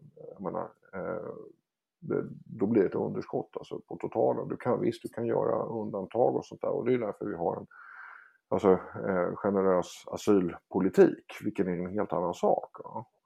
Eh, och, och alltså, vi måste skilja, liksom, i migrationspolitiken så måste vi då skilja på vad är asyl och vad är, är, är migration. Va? Och alltså typ övrigt. Och jag säger så här att jag har inga problem med en generös asylpolitik så länge den asylpolitiken är inriktad på, på kvotflyktingar. Dels av det humanitära perspektivet men även ur det ekonomiska. För att jag har klivit runt i de här, ursäkta mig, förbannade jävla eh, flyktinglägren ja, från Nigeria och norrut. Då. Eh, I, alltså i Sahel och i Maghreb. Då. Och jag kan säga så här att tar du hit en, till Sverige då en ensamstående mamma som är våldtagen sönder och samman och det kommer aldrig bli människa av henne och hennes fem barn. Tar du hit dem på flyktingkort, det är en samhällsekonomisk vinst. Även om den där morsan då aldrig kommer kunna bidra med någonting. Det, det, det, liksom bara, det, det handlar om att det är bara liksom, eh, alltså humanitära åtgärder som krävs för att hon ska ha ett drägligt liv tills hon dör. Men de barnen, de fem barnen, de lovar jag kommer prestera bättre än alla svenskfödda jag känner i ren och pur tacksamhet och vilja bidra till sitt nya moderland.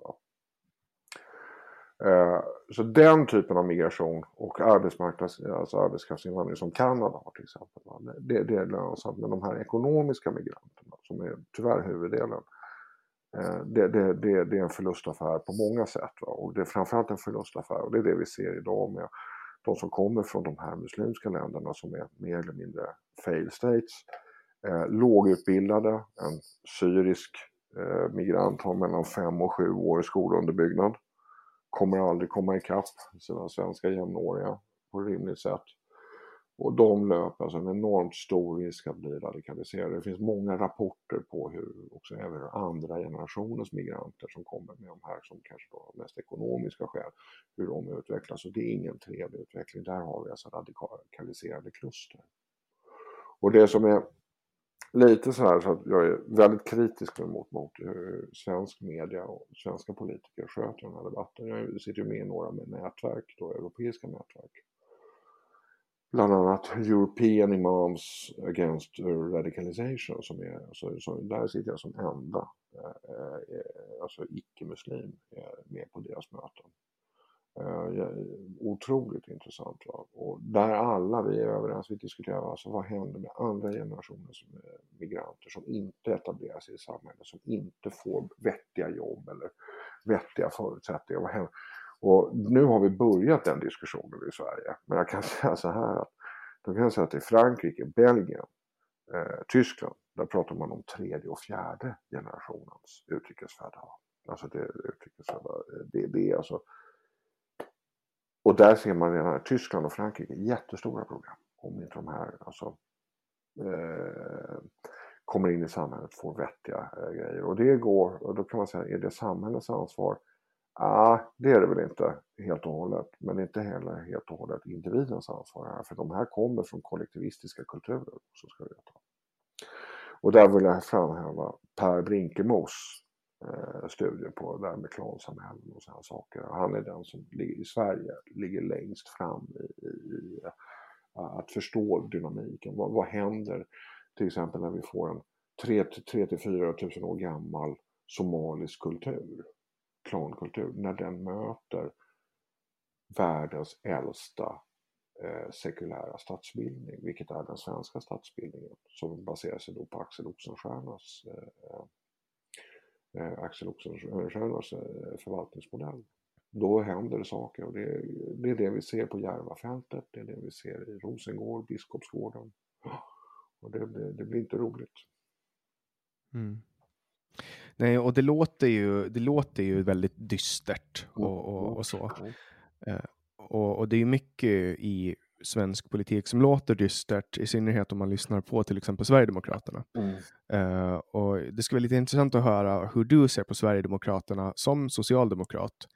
Uh, då, eftersom Socialdemokraterna har, tar väldigt starkt avstånd och vill liksom inte befatta sig överhuvudtaget med Sverigedemokraterna. De vill inte sitta i samma utskott, de vill liksom inte vara med i samma parlamentariska kommittéer och så vidare. Hur ser du som socialdemokrat på, på samarbete med SD? För att det du säger låter ungefär samma som, som Sverigedemokraterna, att man ska strama åt eh, migrationspolitiken och, och så. Ja, alltså jag, jag, kan säga så här, nu, nu kan jag bara prata för mig själv. Men, men alltså om man då, jag, jag säger så här. Eh, jag har träffat eh, alla, tror jag, i, i Sverigedemokraternas ledning. Eh, alltså allt från Jimmy Åkesson, Björn Söder, Richard Jomshof, eh, Mattias Karlsson, jag har träffat dem alla. Eh, jag kan inte påstå att jag känner dem, eh, för det, det, det tar lång tid att, att känna människor. Men jag kan säga så här, Sverigedemokraterna som parti eh, har tyvärr sina rötter och det kommer de inte ifrån. Även fast Jimmy Åkesson, han jobbar ju tillsammans med Richard Jomshof stenhårt på att vädra ut allting som har antisemitiska eller rasistiska övertygelser. Men huvuddelen av deras partiapparat, framförallt ute på, ute på lokal nivå, eh, de börjar i, alltså deras migrationskritik börjar i lite för många fall fortfarande i en främlingsfientlighet. Eh, vilket gör att även om deras lösningar idag låter som mina ungefär, Va? Eh, så, så har du då en annan utgångspunkt än vad jag har som är alltså strikt teknokratisk skulle jag vilja säga. Va? Jag, eh, där, där kan jag säga så här, att, Mattias Karlsson, alltså, för att förstå vad han är för person så brukar jag säga, men alltså, titta på Karl hur han är klädd. Va? Han är klädd i tredelad kostym. Han går omkring som ser ut som en brukspatron. Ja. Han, alltså Mattias Karlsson vågar jag påstå, han har inga synpunkter på vilken hudfärg, religion eller kultur du kommer ifrån. Tycker du likadant så tycker du likadant och då är du en okej okay person. Tycker du inte likadant, ja då är du fel. På, alltså lite raggarmentalitet, ursäkta här om Mattias Karlsson hör det här. Men, men det... Han köper ju sina kostymer på Dressman. Ja, ja, ja, jo och, och det är fan, alltså han är, alltså det, det, det finns inget jag vågar inte påstå, alltså jag vågar påstå att det finns inte speciellt mycket alltså, rasism i Mattias Karlsson. Det är helt fel. Va? De har man inte lyssnat på, de har inte pratat med honom. Eh, men det finns alltså eh, medlemmar på, på, på längre nivå och de här kommer så att säga, de kommer ligga kvar. Alltså Jimmy Åkesson är långt ifrån kvar, klar med alltså sin utstädning av partiet. För att han lyckas ta sig in i, och det här är ju alltså viktigt, han, han lyckades ta sig in i riksdagen genom att konsolidera alla de här främlingsfientliga rörelserna i en enda kraft då 2010 när han kom in i riksdagen. Det är tio år sedan. Va? Sen splittrades den, men då hade ju då alltså med, med 5% väljarstöd så lyckades den attrahera rensade ut en del som knoppades av till, till, gick tillbaka till sina ursprung och så fick han nya eh, medlemmar.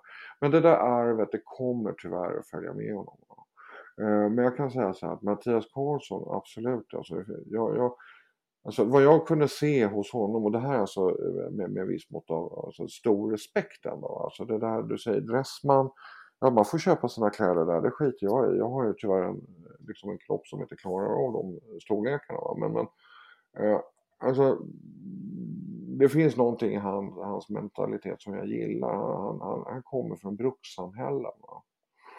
Eh, och det finns inget rasistiskt i ett brukssamhälle. Tvärtom, det finns nog väldigt omhändertagande. Va?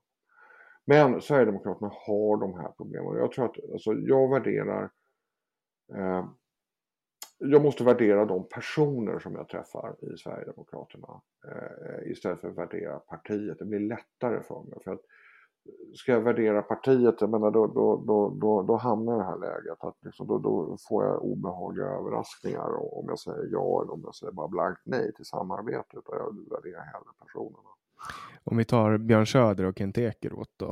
Ja, Kent Ekeroth och jag kommer väl aldrig stå på, på samma, alltså han, han har en eh, min uppfattning är att vi står väldigt långt ifrån varandra. Va? Men Björn Söder har jag faktiskt, det är nog en av de artigaste, mest belevade människor jag har träffat och eh, jag kan säga så här att han gör sig bättre i mötet, eh, det personliga mötet, än vad han gör sig i, i media. Sverigedemokraterna har ju också en kultur av att eh, alltså, komma med klickvänliga uttalanden och då, då spetsar de till det på ett sätt som gör att de, de, de kommunicerar ganska mycket till, till en supporterskara och sen så eh, på ett sätt som kanske inte attraherar nya. Men Björn Söder upplever jag också, och det, det kan man säga om Björn Söder, eh, de som underskattar honom, alltså han är en underskattad eh, eh, politiker. Eh, han var väldigt, väldigt uppskattad som talman och det är få som vet att även Miljöpartiet uppskattade honom som talman. Extremt formell,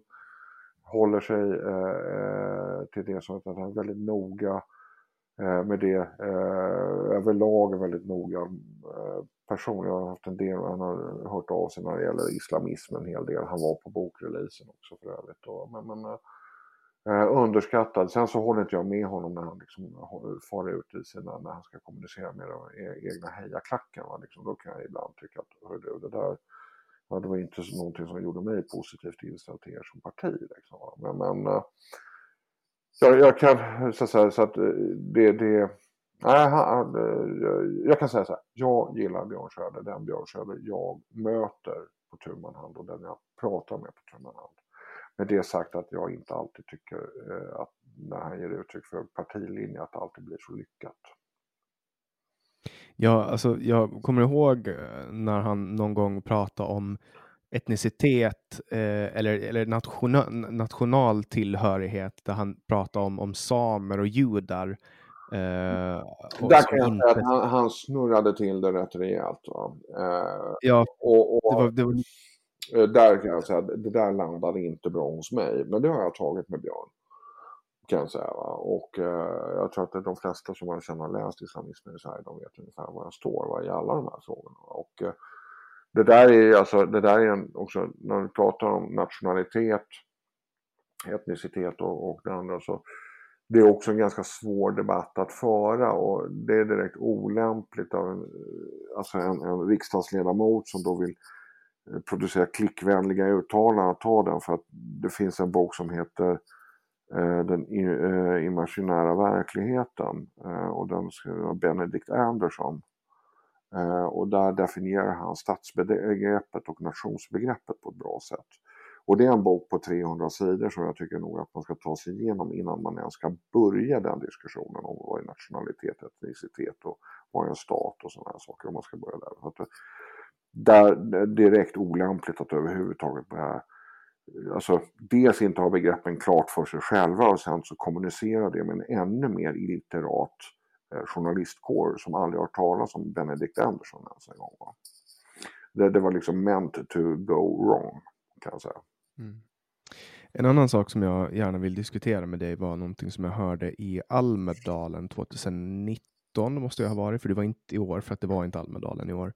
Uh, jag var på ett seminarium där du pratade om uh, din farfars historia med vinterkriget och hur du personligen har gjort upp med det. Och som finsk medborgare i Sverige så, så fortsätter jag Eh, ständigt att eh, fascineras av den svenska kulturen kring hur man pratar om andra världskriget.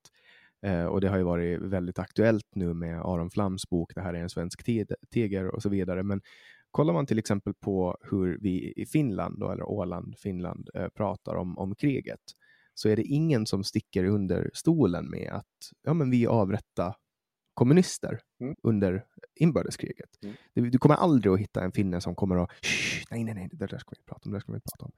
Uh, det, det, det, kommer inte att hända för att vi, det kom till och med ett jubileumsmynt på de här mm. eh, arkebuseringsmännen eh, då som var tvungna att avrätta sina nationsbröder eh, och, och så.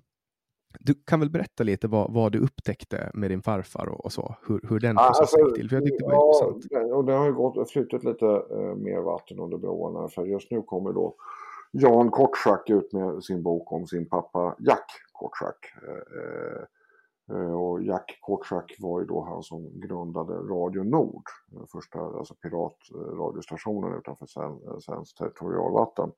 Jack Kortschak som vi vet var den enda juden som deserterade från finska armén under andra världskriget. Eh, och som jägare då var min farfar då som var ställföreträdande chef för finska Valpo och eh, hade en rad med olika uppdrag och de, de landade i Stockholm bland annat 1944 och farfar var, och det här finns dokumenterat, här har vi hittat det, det var farfar som skrev då brevet då till, till Fagerholm, K.A. Fagerholm där farfar uppmanar KFOR, alltså eh, eh, den finska regeringen och därmed också marskalken att sluta en separat fred med de allierade och kliva ur eh, eh axelmakterna då 1944. Annars skulle Finland gå över, gå under.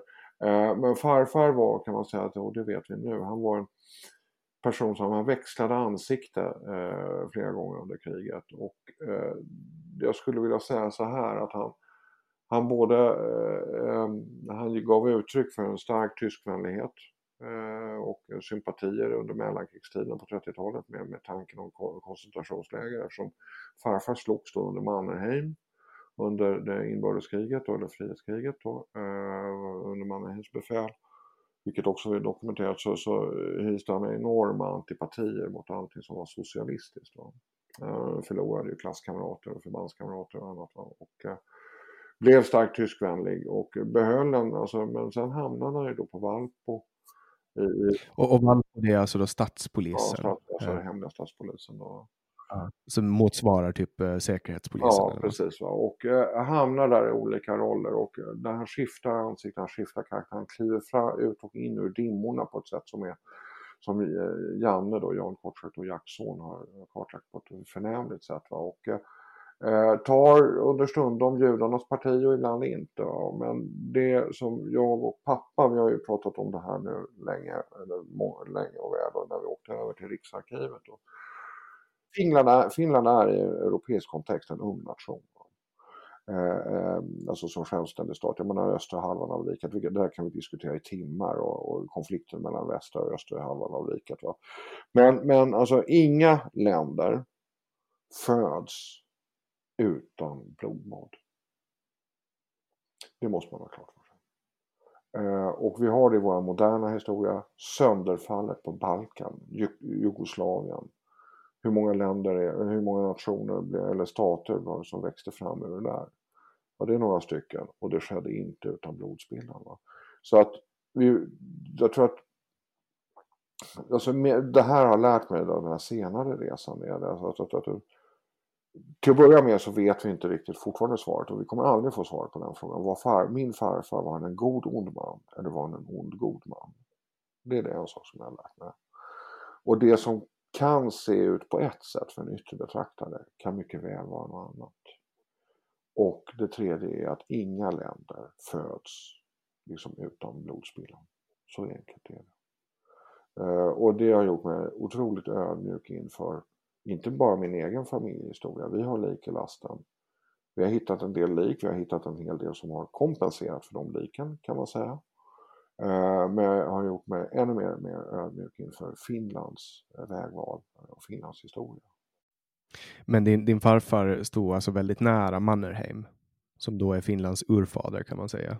Ja, jag har eh, de numrerade memoarerna står här i bokhyllan här som han fick av Mannerheim personligen.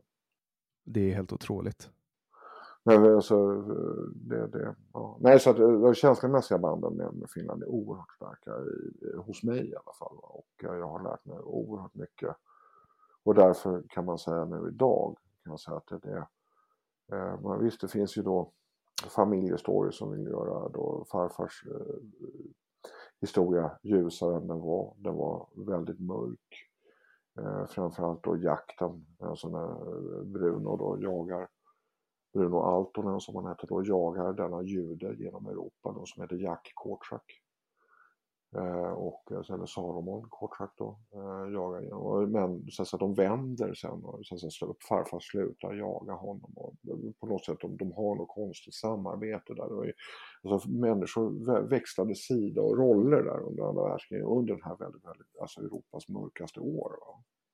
Och samtidigt så måste man ha klart för sig att Finland slogs för sitt liv. Ja, och alla ville ju överleva, det måste man också komma ihåg. Mm. Alltså Finland, Finland ville ju överleva också. Det var ju därför som vi slog oss i lag med, med nazisterna. Ja, ja, och det fanns ingen annan, alltså det fanns ingen re, re, annan rimlig partner. Jag menar, det, det, det, det, det, det alltså, eh, alltså Finland slogs för sitt liv och inser man inte det så, så eh, eh jag menar, det, då, då, då, hoppar man i säng med djävulen om det krävs. Eh, och det är ju samma sak som Aron Flam pekar på i, i det här Svenskriget. Va? att eh, det mandat som Per Albin Hansson hade under andra världskriget, håll Sverige utanför kriget till vilket pris det än må vara. Han lyckades med det. Även, om det gäller, även om det gäller att stoppa några judar vid gränsen. Liksom. Precis, va? Det, men det var det mandat han hade. Alltså mitt och Arons problem med den svenska historiebeskrivningen det är ju att den svenska beskrivningen säger att och Per Albin Hansson lyckades med detta utan att betala något pris. Vi säger Per Albin Hansson lyckades med detta men priset blev det här. Och det, och det, det, alltså, det är en milsvid skillnad för att vi är dömda att upprepa våra tidigare generationers misstag om vi försöker eh, skönskriva. Mm.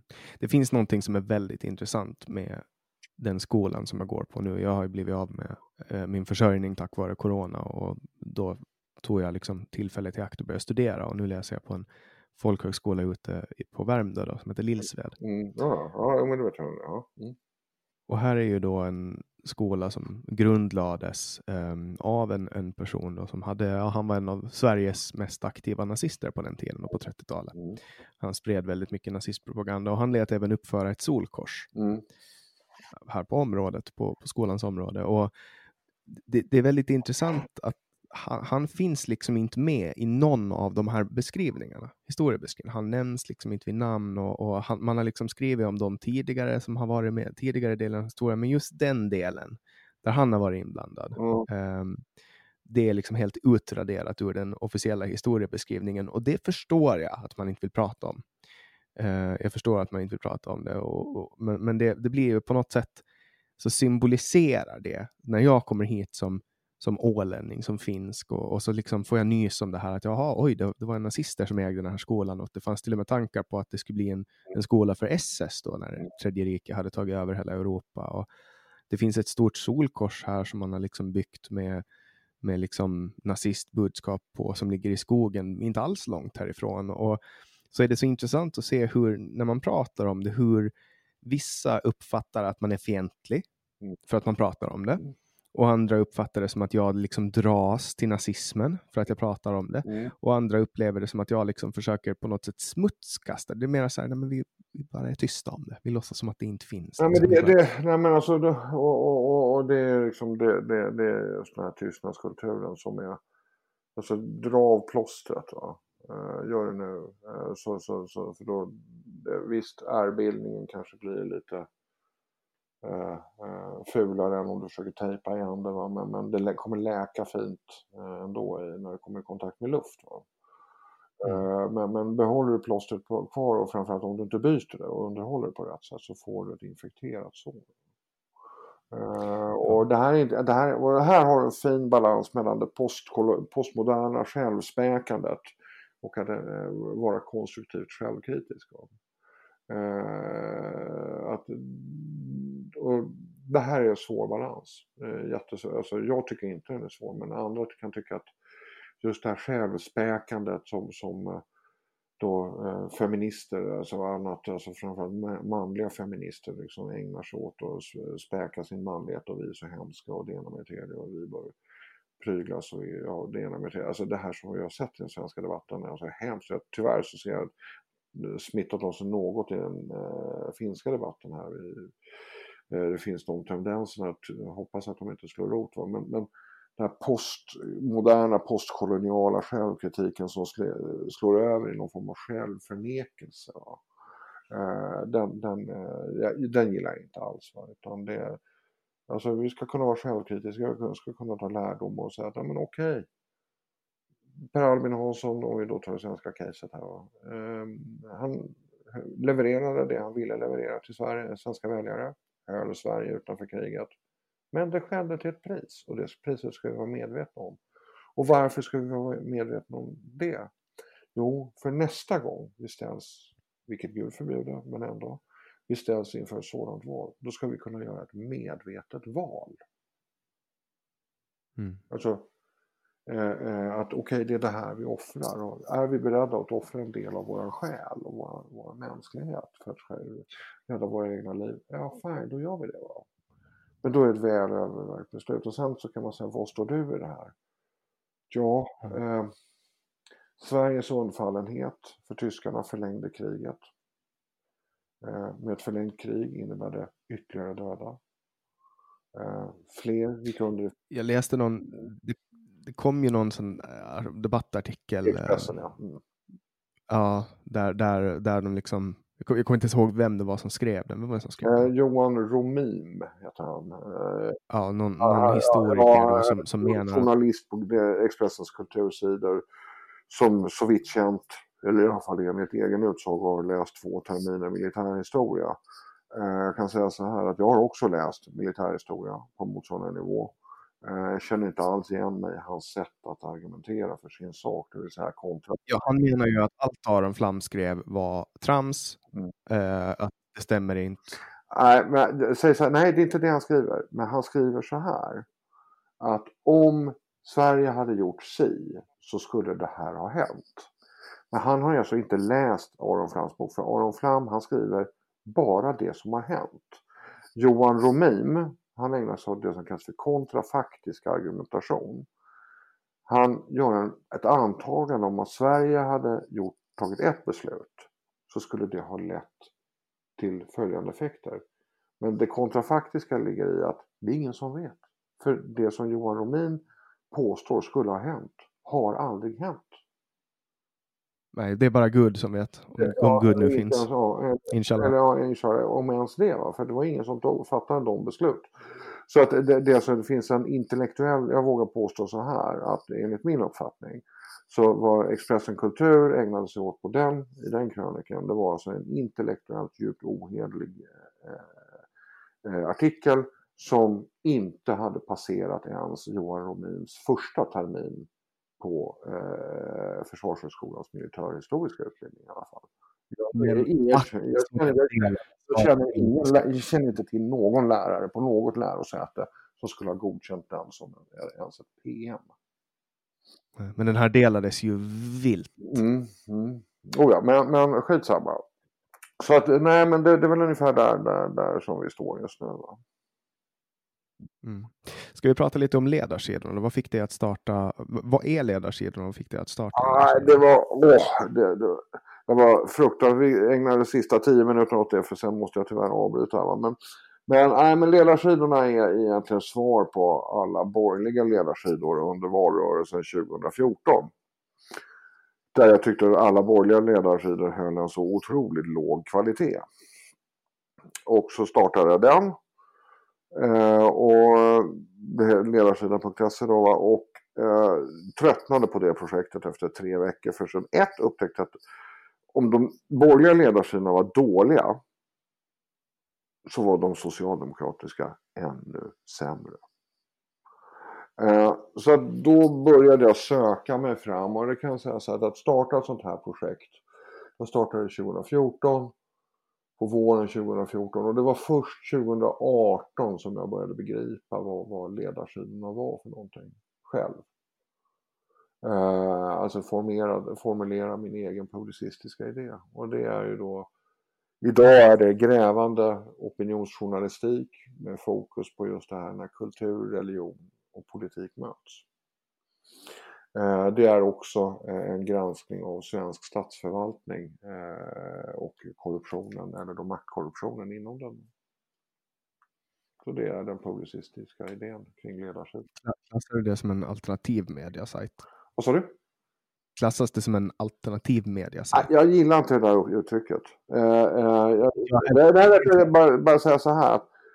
Jag tror faktiskt Huvudstadsbladet hade, de hade en genomgång här till att börja med så 2018 tror jag rankades högst kvalitetsmässigt av alla för all svensk media inklusive public service, då, Sveriges Television och Sveriges Radio kvalitetsmässigt och jag rankades i reach eh, i nivå med eh, Expressen och Aftonbladet faktiskt. Så att det, det, det är, det är okej. Okay. eh, när det gäller alternativ, det enda som jag ser som är alternativt med mig om jag då jämför med, med Svenska Dagbladet och så här, det är distributionssättet. Jag ger inte ut en papperstidning.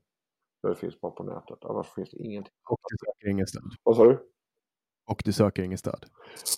Nej, och eh, det, det, det, gör jag inte. Men, men, och det är väl det som är alternativt i det här. Jag ogillar begreppet alternativt för att jag säger att då, då, man, då man missuppfattat. För alternativt har idag gått och blivit synonymt med en åsikt. Och när jag blir kontaktad av, av andra som då vill slå ihop sig, det brukar, komma någon gång i halvåret att eh, de här andra sajterna som då står som ganska oberörda kan inte då säga vad är din publicistiska idé? Och då fick jag här, alltså sista, sista det samtalet ett halvår sedan. Jag tror han aldrig kommer ringa mig igen efter det för att han sa nej men jag vill krossa Dagens Nyheter. Och då sa jag bara så om det är din publicistiska idé då tror jag vi är väldigt långt ifrån varandra. Eh, så jag har en tydlig publicistisk idé Eh, och, och sen får vi se vad framtiden har att erbjuda. Det, det, det vet vi inte, va? men det är där jag ska befinna mig idag. Och eh, det blir också...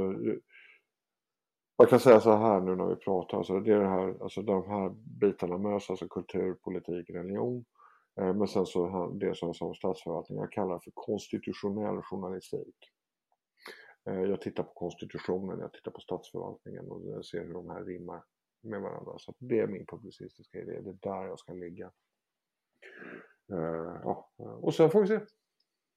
Mm. Hur många är ni som skriver på ledarsidorna?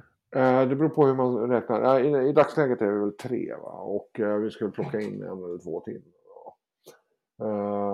och de kommer att ta större plats här för att jag håller på uh, ska satsa då på nästa bokprojekt vilket gör att jag kanske går ner till tre eller fyra artiklar i veckan, tre kanske. Eh, och ägna mer tid åt, åt research och eh, ja, annat. Eh, eller det är framförallt research då, till, kring islamismen i Europa då som jag håller på med nu. Som jag har skrivit i alla fall 30-40 sidor av 280. Så att den, den, börjar, den börjar ta, få sin struktur, boken. Mm. När tror du den blir klar? Då? Eh, den är satt redan. Alltså, ges ut, releasen är första kvartalet 2022, alltså valåret. Okej, okay. ja, ja, du kommer att hålla på den så länge då? Ja, alltså det, det, det kommer jag, eller eventuellt, alltså jag tror inte jag hinner innan nästa jul för att det, det är coronatider, det är några resor som jag måste göra, jag måste besöka några arkiv. Eh, där jag vet att det finns urkunder som jag måste eh, komma åt i faximil då, som, som jag måste ha helt enkelt. Och de måste jag ha på plats, det är ingenting som jag kan beställa på nätet. Utan jag måste alltså ner och leta i enskilda mappar. Eh, exakt, jag vet ungefär vad jag ska ha men jag vet inte var de ligger och det är svårt att be någon liksom, ta en kopia på någonting. Jag bara vet ungefär var den kan ligga. Det, så att det, det, är några resor. Jag, jag skulle varit iväg till Berlin under hösten här för att uh, gå in i, de arkiven som finns där. Men det blev inställt tyvärr. Mm. Jag gick in på ledarsidornas Wikipedia-sida och kan konstatera att det är inte kompisar till ledarsidorna som har skrivit den här artikeln. Jag kommenterar, jag kommenterar den inte. Så att det är ingen som ställer frågan. För att jag, det, alltså jag, jag, jag vet att det är någonting som de har tagit bort några gånger. Jag, jag läser inte om det själv, det ska du aldrig göra. Eh, nej, jag, jag, jag, tycker själv det är jättejobbigt. Jag, jag gör det kompulsivt ibland, går in och kollar på min egen Wikipedia-artikel mm. uh, och tycker att det, jag ställer mig frågan till varför folk lyfter upp saker på det sättet. Men i din i artikeln för ledarsidan så är det så tydligt att de uh, försöker liksom göra ner sidan. De, de devalverar den till en blogg bland annat och, och eh, lyfter upp att Sveriges Radio har ansett att karaktären har förändrats och så vidare. Ja, just det. Men vad de inte tar upp det var Sveriges Radio blev fällda i, i uh, radionämnden. Ja, jag, jag, är, jag är den enda som har fått SR Media, medierna som gjorde det programmet, fällda i, i radio och tv-nämnden.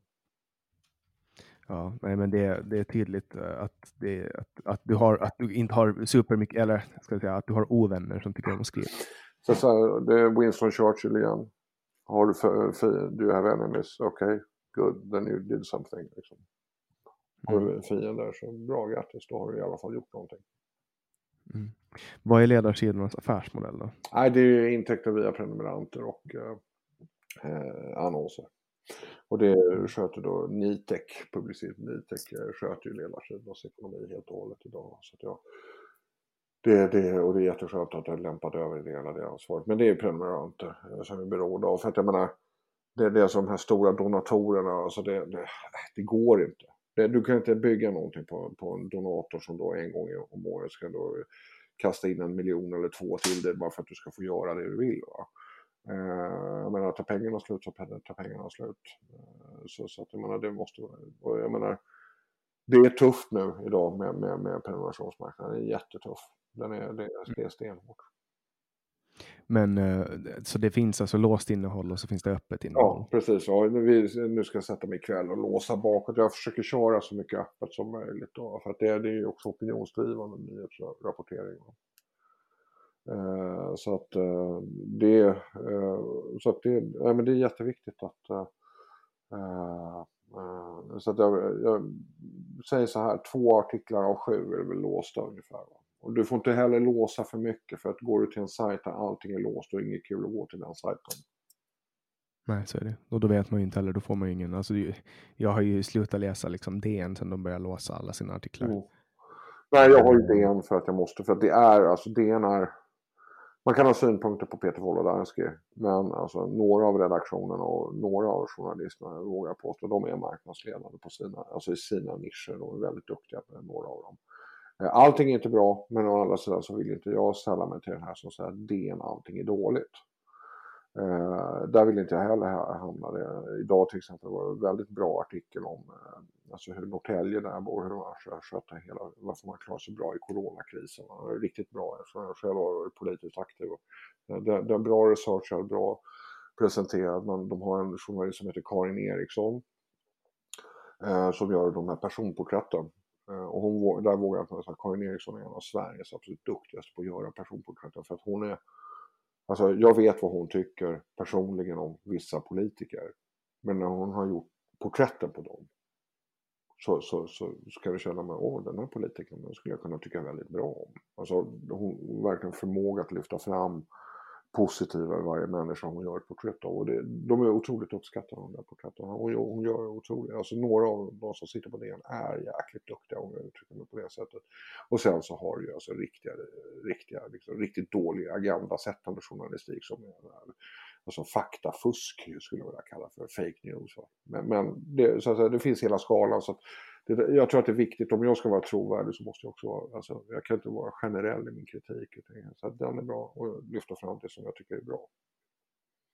Mm. Ja.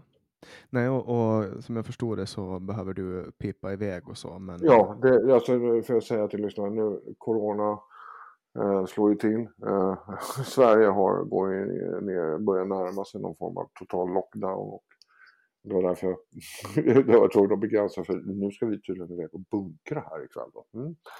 Oj då. Ja, nej, men alltså det, det, det, det nej, men nej, men alltså nej, men det, det, nej, men alltså bara köpa på sig så att man slipper exponera sig allt för mycket i, i livsmedelsaffärer sen när, när allting slår till. Då. Så att då, då åker vi, när det inte finns en käft på stormarknaden, då åker vi och handlar nu. Tydligen är det min hustru som är den som bestämmer vad jag gör efter klockan 17 normalt, men idag efter klockan 17.30 efter att vi hade den här podden inplanerad. Mm, det låter jätteklokt.